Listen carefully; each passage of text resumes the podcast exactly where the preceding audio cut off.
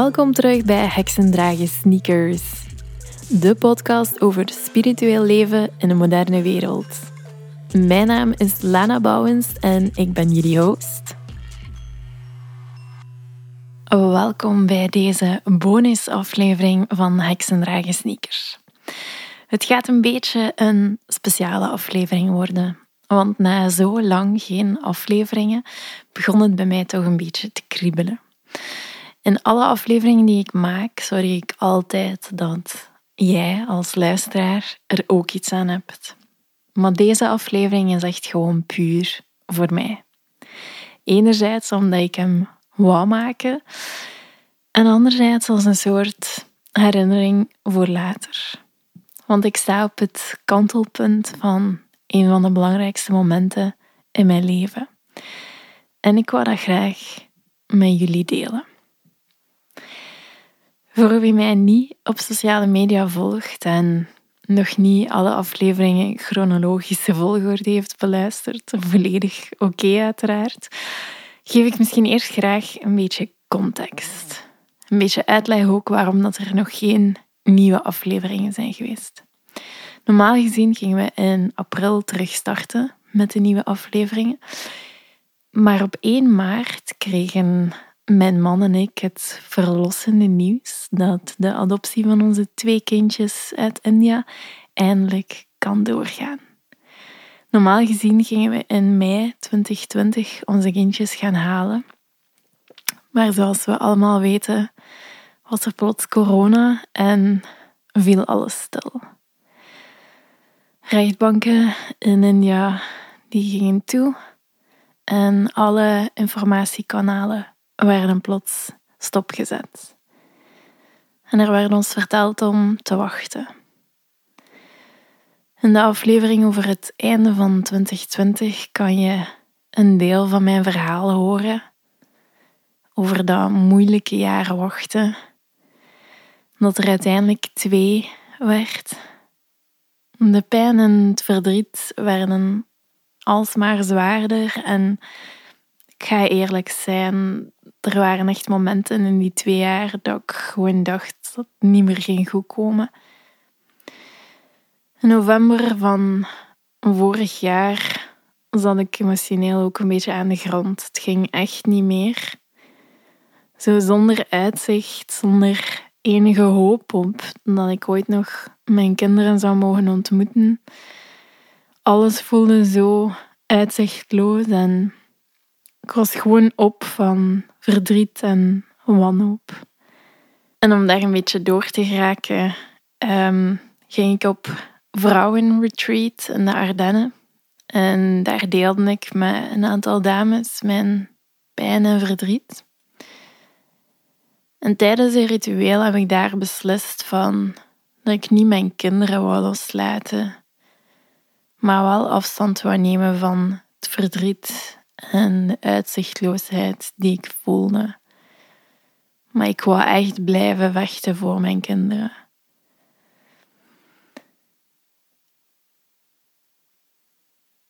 Op dat moment leek het bijna onmogelijk om dat verdriet los te laten. Maar een paar weken daarna voelde ik echt wel een shift. En voel ik dat alles wat lichter werd. En kon ik gewoon terug meer mee met, het ritme van het leven. En ergens eind januari, begin februari, kregen we in één keer een bericht uit India dat er beweging in zat. Nu, dat was iets al een paar keer zo wat gebeurd was. En ja, ons wantrouwen was gewoon ontzettend groot. Uh, we hadden al meerdere keren hoop gekregen om beterschap en telkens draaide dat weer op niets uit. Dus we, we, dachten er nog niet veel van. Want zoiets van, we gaan gewoon afwachten. We die twee jaar lang altijd al blijven, en blijven doen. En eind februari gingen we op vakantie.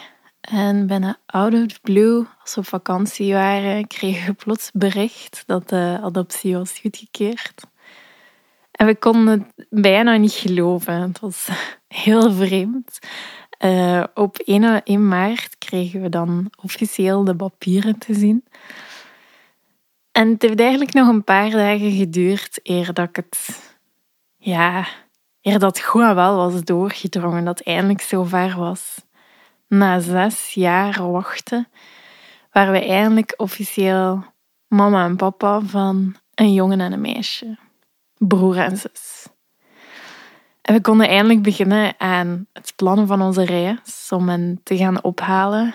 En zelfs nu, wanneer ik het zeg, kan ik het nog altijd niet zo goed geloven.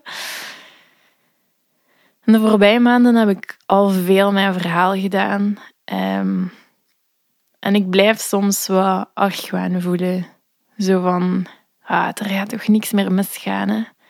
Ik, ik kan het toch wel vertrouwen dat nu, dat nu voor echt is. En ik denk dat ik pas 100% overtuigd ga zijn wanneer ik mijn kinderen in mijn armen kan nemen.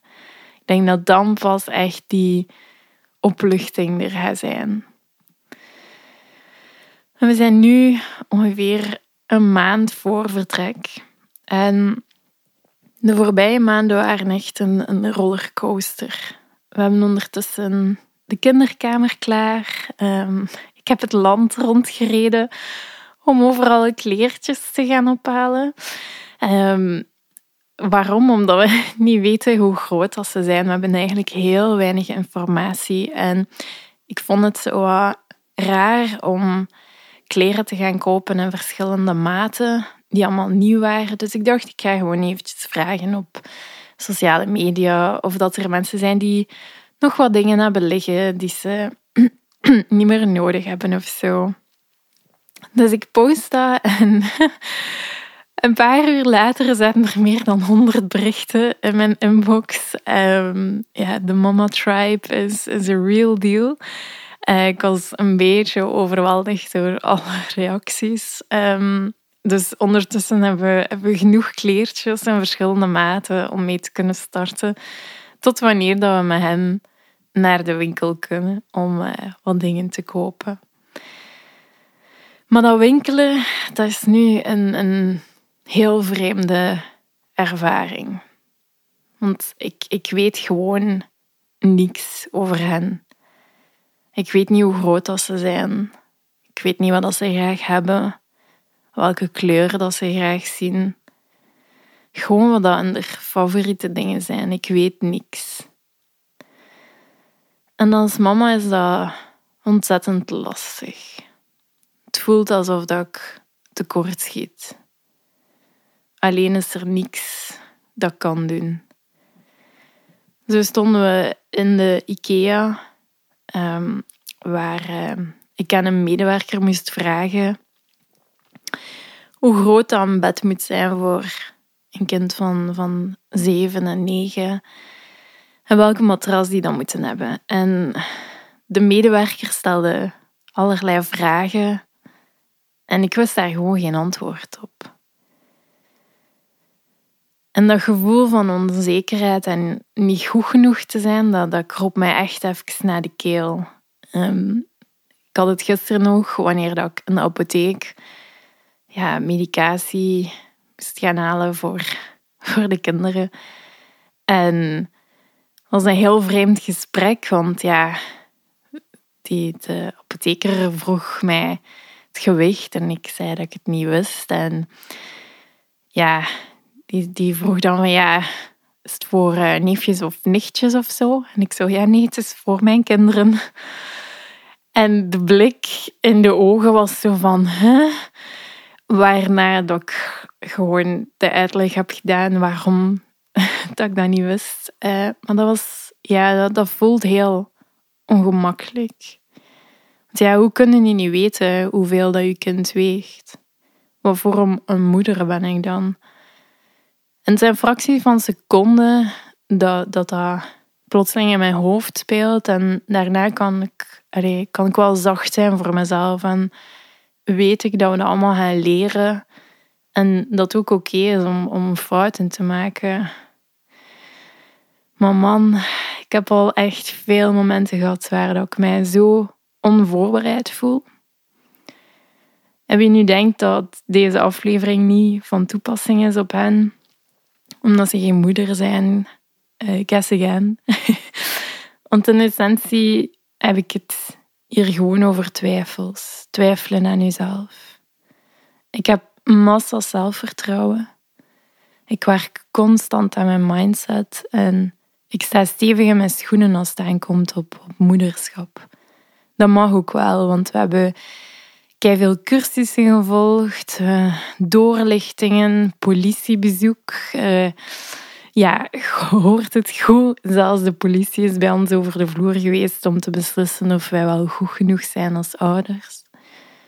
Dus nadat Jan en alle man ons heeft mogen testen en onderzoeken, zijn wij goedgekeurd door een rechter als geschikte ouders. En ik hoor velen onder jullie denken van... Ja, andere mensen kunnen gewoon een kind krijgen. Moet allemaal zo ingewikkeld zijn. Maar je mag niet vergeten dat adoptie niet hetzelfde is als biologisch een kind krijgen. Um, daar komt heel veel trauma en verdriet bij kijken. Dus ik vind zo'n doorlichting en al die onderzoeken heel belangrijk, want je moet wel degelijk heel sterk in je schoenen staan om te adopteren. Maar dus, ik sta sterk in mijn schoenen. Op, op alle vlakken. Er zijn weinig dingen waar ik aan twijfel. En toch is die twijfel er. Ben ik wel goed genoeg? Ga ik dit wel kunnen? Wat als het niet lukt? Wat als ik iets verkeerd doe? Kan ik dit wel? Ik wist niet dat de kinderen een speciale matras moeten hebben of dat maten staan voor hoe groot dat ze zijn of dat medicatie afhankelijk is van hun gewicht. Ik weet niet over wat het gaat wanneer een mama mijn kindje in hetzelfde leerjaar als dat van mij tijdens een rondleiding op de school plots begint te praten over specifieke leesboeken die gebruikt worden om te leren lezen. Ik weet nog altijd niet over wat dat ging. Soms heb ik echt het gevoel dat ik tekort schiet. Dat ik al die dingen al zou moeten weten. Die mama van dat kindje in het eerste leerjaar wist al die dingen. Zij heeft zes jaar voorsprong op mij. En soms voel ik dat verlies van die jaren heel hard. Ergens is mama worden toegeven dat je veel dingen niet weet. Een overgave aan het proces. Een leerschool en, en loslaten en vertrouwen op jezelf, op je kunnen, op je intuïtie. Zoals met alles in het leven kunnen nooit genoeg voorbereid, voorbereid zijn. Ik ga fouten maken, plunderen en gewoon echt domme dingen doen. Het hoort bij het leven. Maar ergens vond ik het gewoon niet zo erg wanneer dat over mezelf ging. Maar mijn kinderen, die verdienen de wereld. Ze hebben al zo ontzettend veel meegemaakt. Zoveel moeten missen, zoveel tekort gehad. En ik wil ze gewoon alles kunnen geven. Adoptie is een moeilijk proces. Niet omdat het zo lang duurt of omdat er zoveel dingen misgaan, maar omdat je constant geconfronteerd wordt met het feit dat je niet volgens de norm bent. Je wordt voor de eerste keer mama en papa, maar de regels zijn anders. De eerste keer dat ik dat echt voelde was wanneer dat we moesten kijken voor een school. We hadden niet de mogelijkheid om onze kinderen in te schrijven op het aanmeldingspunt, zoals dat je dat normaal zou doen. Want onze kinderen hebben nog geen rijksregisternummer. Het zijn soms echt van die kleine stomme dingen die het zo ingewikkeld maken. Na heel gedoe heeft het Centrum voor Gelijke Kansen onze kinderen handmatig in het systeem gestoken. We hebben dan nog vijf scholen moeten contacteren om een plek te vinden voor onze kinderen, die niet op een normaal ritme in het schoolsysteem terechtkomen, maar een plek moeten vinden in klassen die al vol zitten. Uiteindelijk is het gelukt om onze kinderen in te schrijven in een fantastische school in Gent, waar ze vol begrip waren voor de uitdagingen. Ze spreken namelijk allebei Hindi en schrijven ook enkel Indische letters. De voorbije maanden maakte ik me enorm zorgen over de achterstand die ze hebben en de uitdagingen om de taal te leren en alles dat erbij komt kijken. Maar de school die stelde mij ontzettend gerust. En ik voel dat ik al veel dingen kan loslaten. Dat ik weinig antwoorden heb op hoe het allemaal gaat zijn, wat ze gaan eten, hoe ze gaan communiceren, of ze hun kleren gaan passen. Ik weet het niet. En waar ik een paar maanden geleden nog overal een oplossing voor wou, lijkt dat nu allemaal niet meer zo belangrijk. We will figure it out. Het belangrijkste is dat we bijna samen zijn. En de rest zal wel loslopen. Ik ga blij zijn wanneer dat ik niet nog een keer om de zoveelste vraag moet antwoorden. Ik weet het niet. We gaan wel zien. Ik ga blij zijn wanneer ik een antwoord heb. Ik ga blij zijn wanneer ik ze mag leren kennen. door al die kleertjes voor hen te gaan ophalen, heb ik heel veel mama's ontmoet. En stuk voor stuk hebben ze mij ook wel gerustgesteld dat ze eigenlijk ook nerveus waren op de vooravond van een bevalling. Dat ze ook alles hebben moeten uitzoeken. En het lijkt misschien stom, maar dat keer op keer horen heeft me echt enorm gerustgesteld. Mijn ervaring is misschien anders, maar de verbinding met die andere mama's door hun onzekerheden en gevoel dat ze het ook niet echt goed wisten, dat heeft mij gesterkt. En ik voel een verandering in mezelf. Het is subtiel en toch oorverdovend. Mijn wereld draait niet meer rond mijn wensen. Mijn wereld staat op zijn kop. Want na tien jaar een kinderwens te hebben, ben ik eindelijk mama. Een deeltje van mijn identiteit is geshift. En ik voel dat het een deel afscheid nemen is van wat ik altijd als prioriteit zag. Ik voel dat mijn keuzes een andere focus hebben. Ik voel dat de verandering dieper gaat dan enkel een nieuw deel van mijn identiteit. Waar ik enkele maanden geleden zou gezworen hebben dat ik dat nooit meer zou doen, besef ik nu dat ik het voor mijn kinderen wel zou doen. Ik zou met zekerheid willen zeggen dat er nog een aflevering komt van Heksendragen Sneakers. Want er zijn nog zoveel leuke ideeën in mijn hoofd. Maar ik besef ook dat dit misschien het einde is. Dat mijn taken als mama het misschien niet meer mogelijk maken om zoveel afleveringen te maken. Of dat de goesting er misschien niet meer gaat zijn. Begrijp mij niet verkeerd. Dit, deze podcast, is een van de dingen die ik het liefst van al doe in de hele wereld. Nog een ellenlange lijst van dingen die ik eerst zou opgeven vooraleer ik afscheid neem van jullie en van deze fantastische community. Maar waar het een paar maanden geleden dat ik dat nog onmogelijk achtte, voelt dat nu al anders aan. Mijn hart neemt een andere vorm aan. Trekt om plaats te maken voor twee kleine spookjes.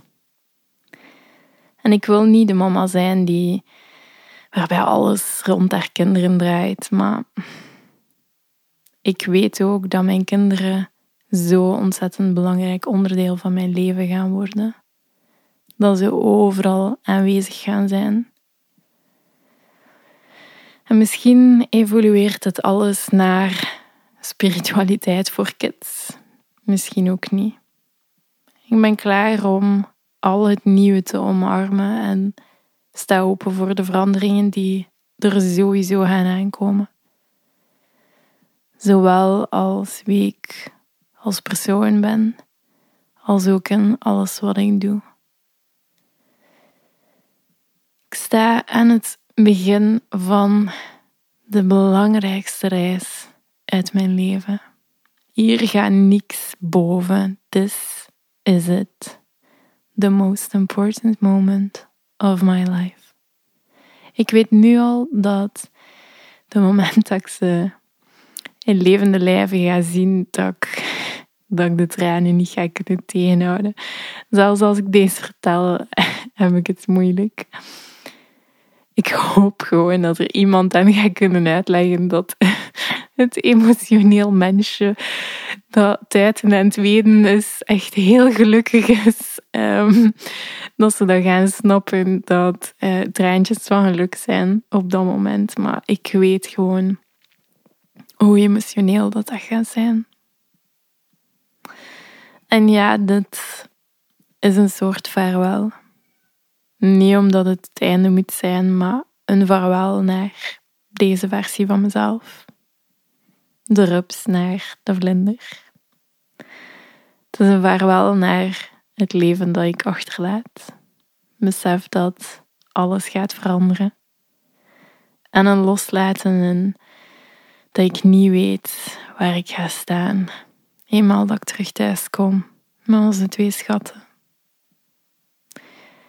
Ik kan met 100% overtuiging zeggen dat ik het allemaal niet weet. Dat ik geen idee heb. En dat is oké. Ik hoef het niet te weten. Het enigste wat ik weet is dat ik klaar ben.